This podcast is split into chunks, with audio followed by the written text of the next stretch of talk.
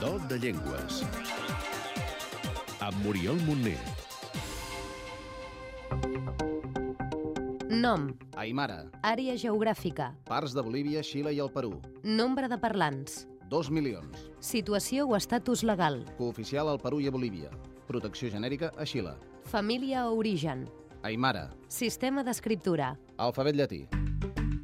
L'aimara és una de les llengües ameríndies més vives a l'Amèrica del Sud.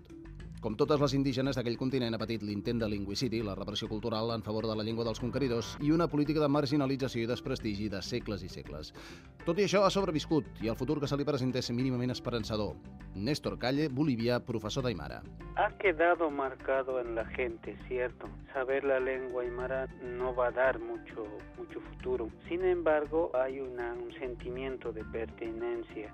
Es decir, hay gente que no habla bien el aymara, pero que se identifica. L'aimara es manté molt viu a les zones rurals tradicionals on pràcticament tothom el parla. Actualment guanya importància a Bolívia.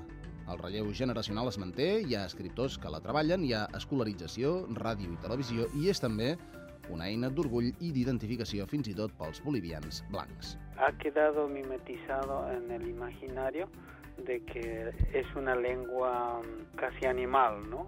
Pero ya han aflorado a partir de la lengua conocimientos sobre la naturaleza, sobre las relaciones. Eso le ha dado quizá mucho pie para que la gente de tez blanca no pueda interesarse y, y buscar.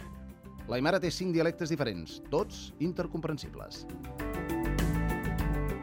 Algunes curiositats, Per aprendre l'aimara cal tenir present que funciona amb sufixos afegits a l'arrel de la paraula i que les possibilitats en aquest sentit són quasi infinites. A la raíz se le añade una, dos, tres, cuatro, cinco sufijos, nueve, diez, catorce sufijos, o sea, se puede ir sufijando a la raíz. Y cada vez que se añade, tiene una connotación distinta. En veiem algun exemple?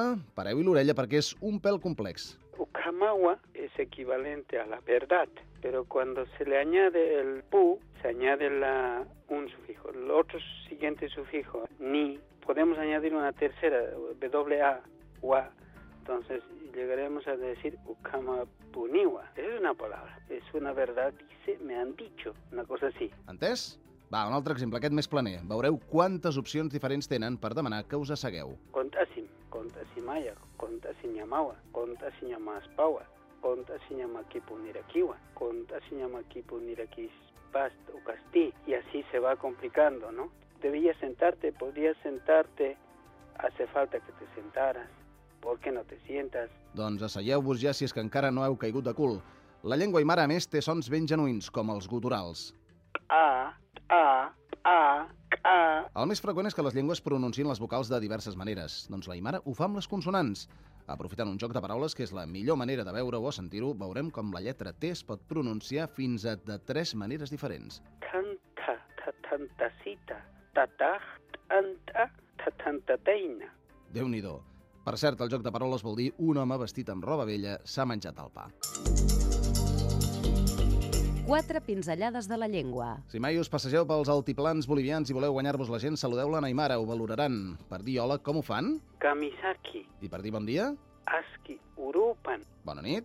aski, haipupan, I si heu de respondre un simple sí hisa, i un no, haniwa, encara us els guanyareu més si els dieu que voleu aprendre Aymara. aymara, aru, yatecaña, munta, Doncs per començar, comptem de l'1 al 10. maya, paya, kimsa, pusi, pisca, sohta, pacalco, kimsa calco, yatunca, tunca. Ens posem romàntics? Com direu t'estimo a una indígena?